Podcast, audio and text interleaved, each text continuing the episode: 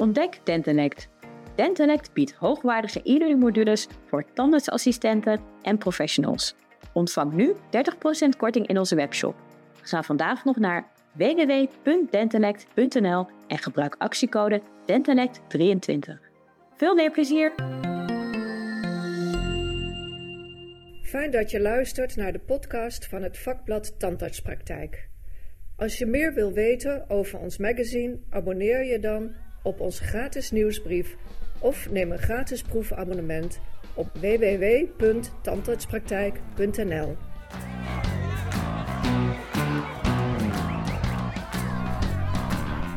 Dit is aflevering 1 van seizoen 2, gepresenteerd door hoofdredacteur Sander Loos.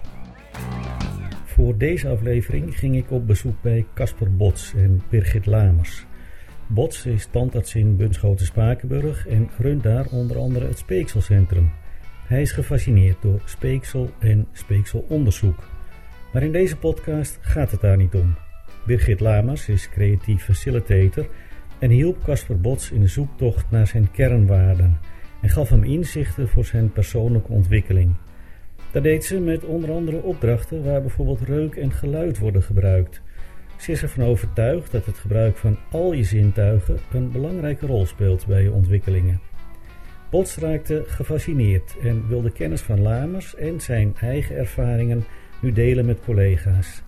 Daarom richtte zij samen het platform Dentist Experience op. Met een mastercourse willen zij tandartsen helpen zich te hervinden.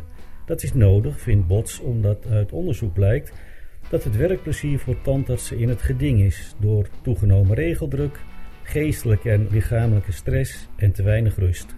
En dat terwijl het werk toch ook leuk kan zijn. Kasper Bots. Inderdaad, er zitten positieve en negatieve aspecten aan het uh, tandartsvak. Uh, wat wel heel positief is, is dat mensen het patiëntencontact heel erg leuk vinden. En dat dat eigenlijk de, de drive is en, en de kern. En verder heb je een heleboel gedoe en gezeur eromheen. En het gaat natuurlijk om dat je een goede balans daartussen tussen hebt. Maar uh, ja, uit het onderzoek dat we hebben gedaan, dat als titel levenslang tandarts, hoe leuk is dat? Er kwam eigenlijk naar voren dat 60% wel een toegenomen mentale druk ervaart hebben. Met name de laatste jaren. Ik werk nu 15 jaar een eigen praktijk. Ik merk ook zelf dat de laatste jaren de druk wel steeds meer toeneemt. Dus zowel ja, de mentale druk, de vereisendheid van de patiënten, um, het hele speelveld in de, in de tandheelkunde. Dus dat, uh, dat is inderdaad zo. En ook, het is ook een fysiek belastend beroep. Er komt naar voren dat driekwart van de mensen het uh, fysiek zwaar vindt. Ik probeer altijd zelf veel te sporten om die balans goed te houden. Dat hoort bij het vak, vind ik zelf. Um, wat kunnen we eraan doen, afgezien van sporten, die regelgeving, veranderen we niet 1, 2, 3 en alle administratie en alle rommel die erbij komt? Nee, dat is inderdaad zo. Dat kan je niet veranderen, maar je kan wel kijken naar wat je wel kan doen. Wat je wel kan doen is goed voor jezelf zorgen, natuurlijk fysiek, maar ook uh, mentaal. Uh, uh, ook ja, dus eigen, eigen je, je mindset zodanig maken dat je met al die dingen die er nu zijn en ook nog gaan komen, het gedoe en het personeelsgedoe, om daar zo mee om te gaan dat je daar niet gaat, onder gaat lijden in de loop van de jaren. En sommige mensen hebben het al als net tandarts zijn, dus die net begonnen zijn. Denken nou, wat voor keuze moet ik maken? Uh, dus keuzestress. Maar ook tandarts die bijvoorbeeld al tien jaar bezig zijn. Die dan denken van nou, nu heb ik mijn 20.000ste vulling gedaan. Hoe gaat dit nu nog verder? Waar vind ik de plezier?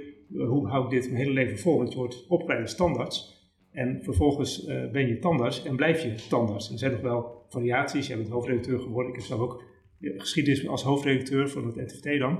Maar het is heel leuk om, ik vind persoonlijk heel leuk om verschillende dingen te doen. En op die manier hou ik het ook goed, leuk voor mezelf, maar ook voor de patiënten. Want je hebt niet veel aan een tandarts die ja, helemaal bij de pakken neer uh, zit. Het is fijn voor de patiënten als ze een beetje een enthousiaste, bevlogen tandarts hebben. Birgit, wat is jouw rol binnen Dentist Experience? mijn rol is zeg maar het samen met Casper ontdekken van wat uh, wat, wat kunnen we daar inderdaad aan doen om uh, naar boven te halen wie je bent, niet alleen als standaard, maar ook als mens.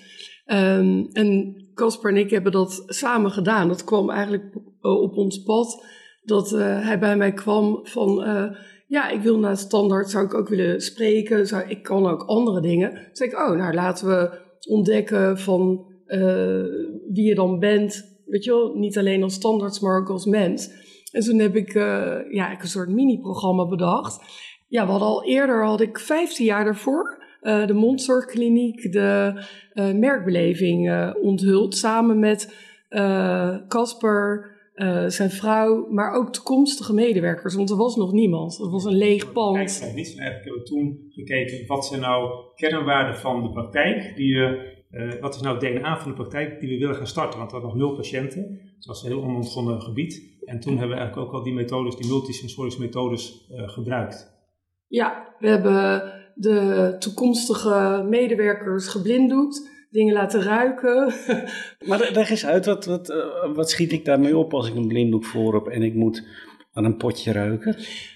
nou, wat je daarmee opschiet door uh, multisensorisch te werken, dus multisentuigelijk, is dat je, als je de hersenpan heel simpel beschouwt, heb je een linker en een rechter hersenhelft.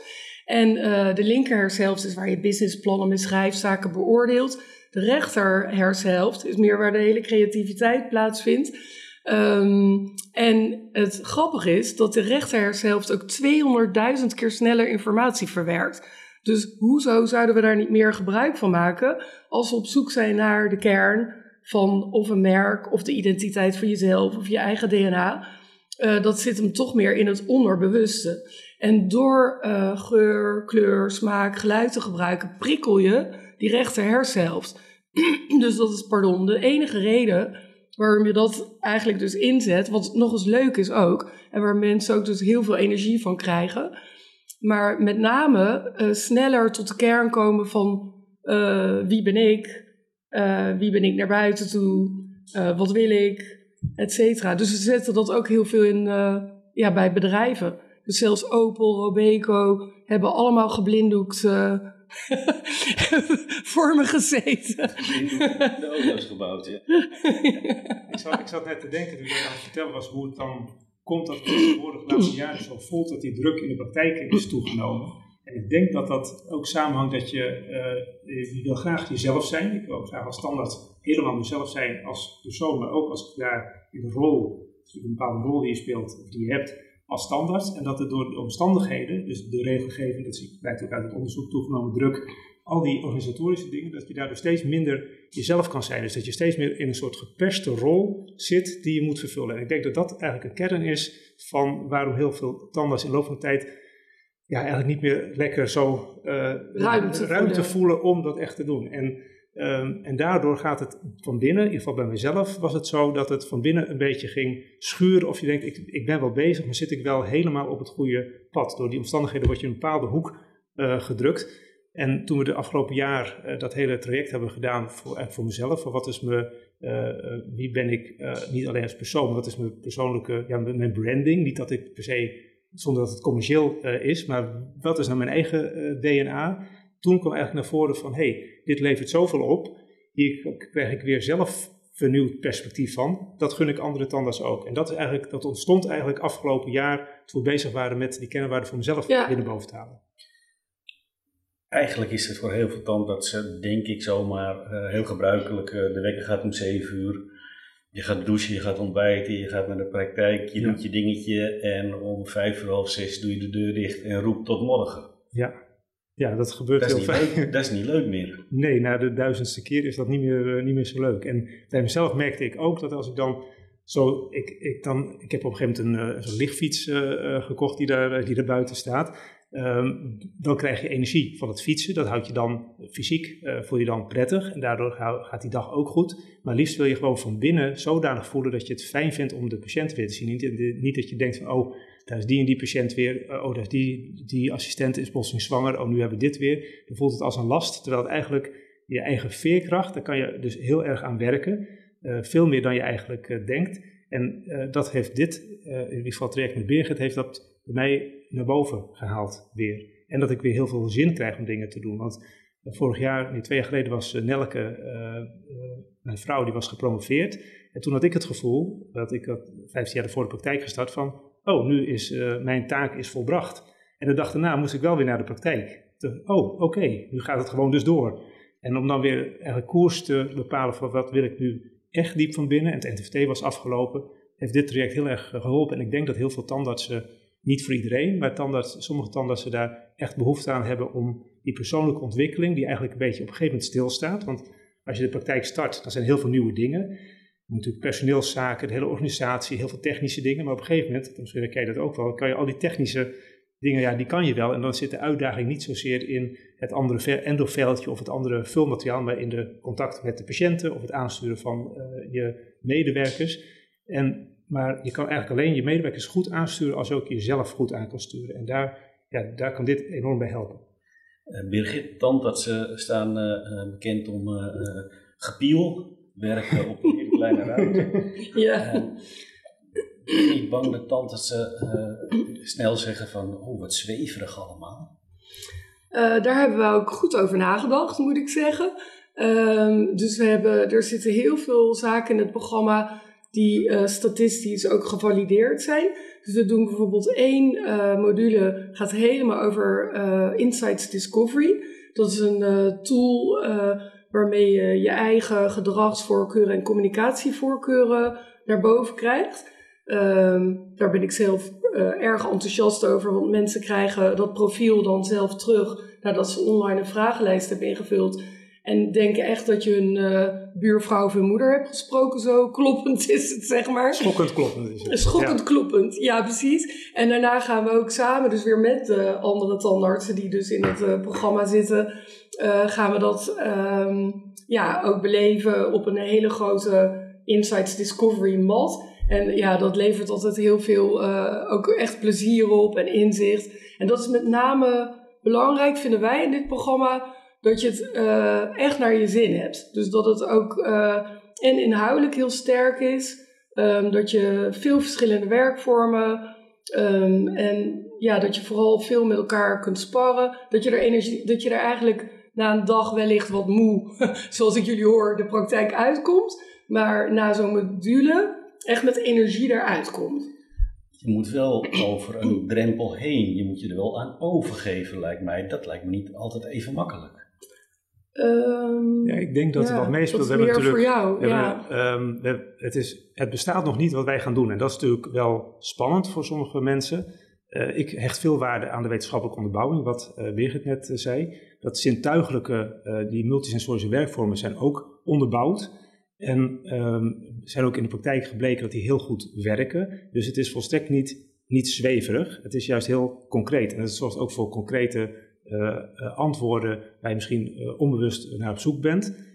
Uh, dus maar ik ben daar niet zo bang voor. Het lijkt zo ver van de praktijk af te staan. En dat is juist de bedoeling. Want als het precies, stel dat we gewoon in een praktijk gaan zitten, dan zit je nog steeds in die praktijk en je wordt juist uit die setting in een andere omgeving gezet. En op die manier kan je vanuit een ander perspectief eigenlijk naar jezelf kijken. En omdat je met andere tandartsen zit, die precies weten hoe het voelt om uh, zo'n patiënt hebben die, dat je bijvoorbeeld al denkt van, oh nee, daar is ze weer. Dat je hoopt dat zo'n patiënt afbelt of een medewerker waarvan je denkt van, oh, als die dat zuchtje maakt, dan voel ik me al, daar gaan we alweer en ik kan het niet meer aansturen. Dus er zit naast die multisensorische werkvormen, zit er ook ruimte bijvoorbeeld voor hot seats, heet dat. Dus als iemand ergens tegenaan loopt, uh, stel ik heb een bepaald uh, probleem met iets of ik, ik worstel met een bepaalde vraag in de praktijk, dan gaan we dat dan wordt die persoon wordt helemaal bevraagd en dan op een gegeven moment, eigenlijk door het vragen stellen, vind je zelf vaak al het antwoord. En um, op die manier willen we eigenlijk dan ze bemoedigen, enthousiasmeren en weer vooruit helpen bestaat het gevaar dat je de, um, na die sessies achterkomt, dat vak is eigenlijk helemaal geen vak voor mij? Ja, dat zou, dat zou kunnen. Hoeft niet, maar het kan wel. Voor mijzelf was het niet zo, want ik vind patiëntencontact ontzettend leuk. Uh, het heeft wel toegeleid dat ik uh, misschien een halve dag minder uh, wil werken, dat ik meer balans daarin in vind. Het zou een uitkomst kunnen zijn, maar ik denk dat het voor de meeste tandartsen dat het de uitkomst zal zijn dat ze gewoon weer energie krijgen en weer weten waarom ze het ooit uh, zijn begonnen, het uh, tandheelkundige vak. Birgit, er is heel vaak een extrinsieke prikkel voor tandartsen.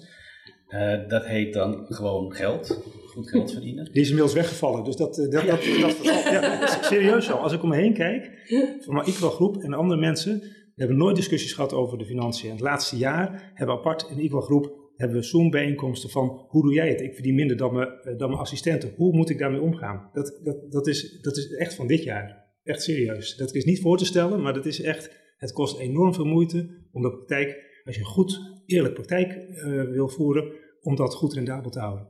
Is de intrinsieke prikkel belangrijk? Wil je die naar boven halen in die sessies? Ja, ik denk dat het net als de, de Maslow-pyramide is: van je hebt eten nodig, veiligheid nodig, je huis nodig.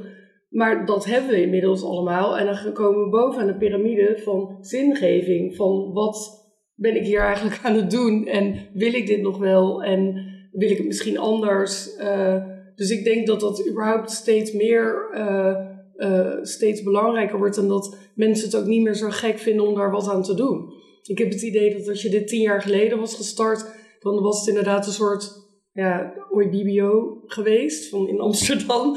Uh, maar tegenwoordig is het uh, gewoon bijna dat, je, dat het bijna eerder gek is als je er niks aan doet. Misschien is het nog wel leuk om te vertellen dat we vorig jaar hebben onder andere in die, uh, in die, die verschillende modules die we samen hebben gedaan een moodboard gemaakt. En op dat moodboard staan, dat zijn, daar ga je dus gewoon plaatjes uitkiezen uit allerlei tijdschriften. Een bepaalde, bepaalde tijdsdruk, een uur, anderhalf uur. Gewoon die aanspreken, waarvan je dan nog helemaal niet weet waarom dat aanspreekt. die hebben we op een moodboard eh, geplakt, op visionboard eigenlijk. En um, daarna hebben we dat geclusterd. Sommige dingen hadden te maken met persoonlijke uh, ontwikkeling bij mij.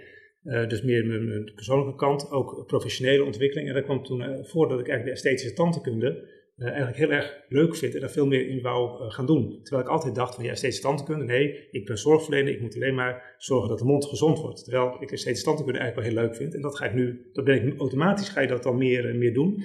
Er was een plaatje bij met gezonde voeding en een gezond lichaam. En uh, nou, mijn doel was om mede over deze zomer dat ik gewoon vitaal fit ben. Dus dat, dat je wat je eraan kan doen, dat je het zelf eraan kan doen. Er stond ook lekker eten bij, gezond lekker eten. Uh, en ook nog een elektrische auto en een vliegtuig. Nu hoop ik volgende week of de week daarna elektrisch te gaan vliegen. Dus dat zijn dingen die dus in jezelf zitten en die dan naar boven komen, waarvan je eigenlijk ja, latent ergens sluimert. Of je hebt het weggedrukt door alle zorg en de drukte van de dag, of van je gezin, of omstandigheden, of verlies, of nou, van alles en nog wat. En ja, dat is mooi als dat naar boven kan komen. Het enige kan zijn is dat we misschien te enthousiast zijn. Dat denk ik wel eens. ik wil het net zeggen eigenlijk. Ja. Ik vraag het aan jou. Toen we Casper leerde kennen was hij ook al zo dol enthousiast over allerlei zaken? Of heb jij dat naar boven gebracht bij je? Nou, uh, het grappige was, hij kwam met, ja, ja, ik zou iets meer willen spreken. Zou ik dan meer misschien een merk moeten zijn?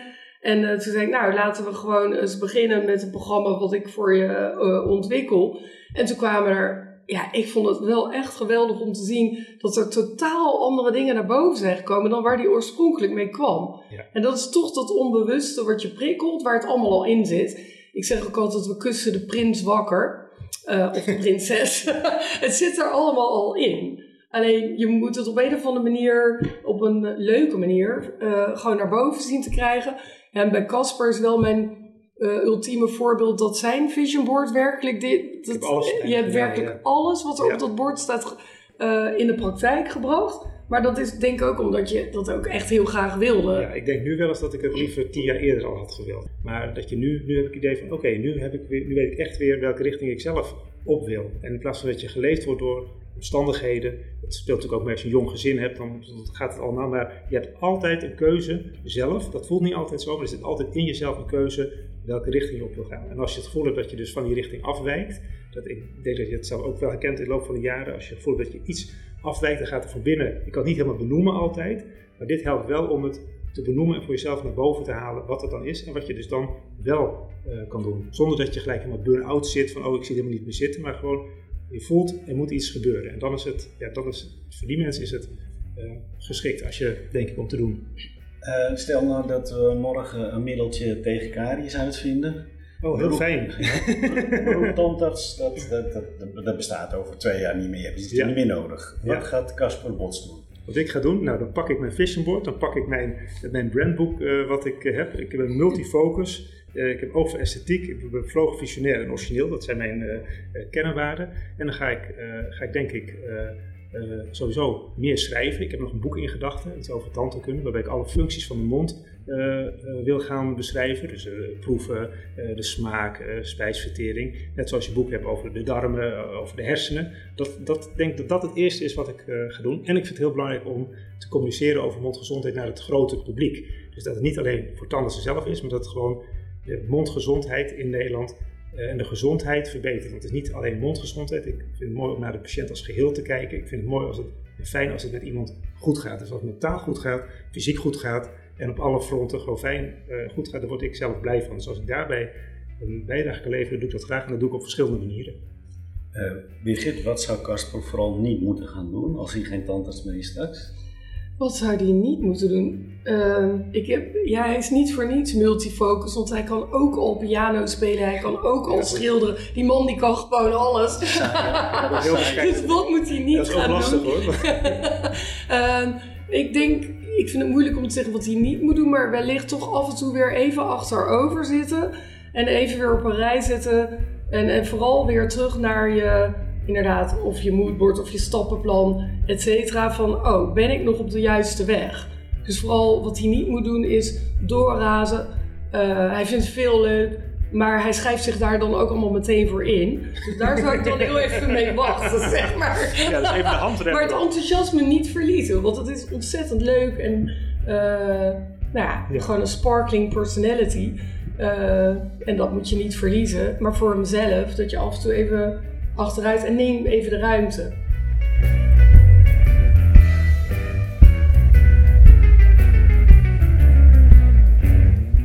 Luisterde naar een podcast van het vakblad Tandartspraktijk.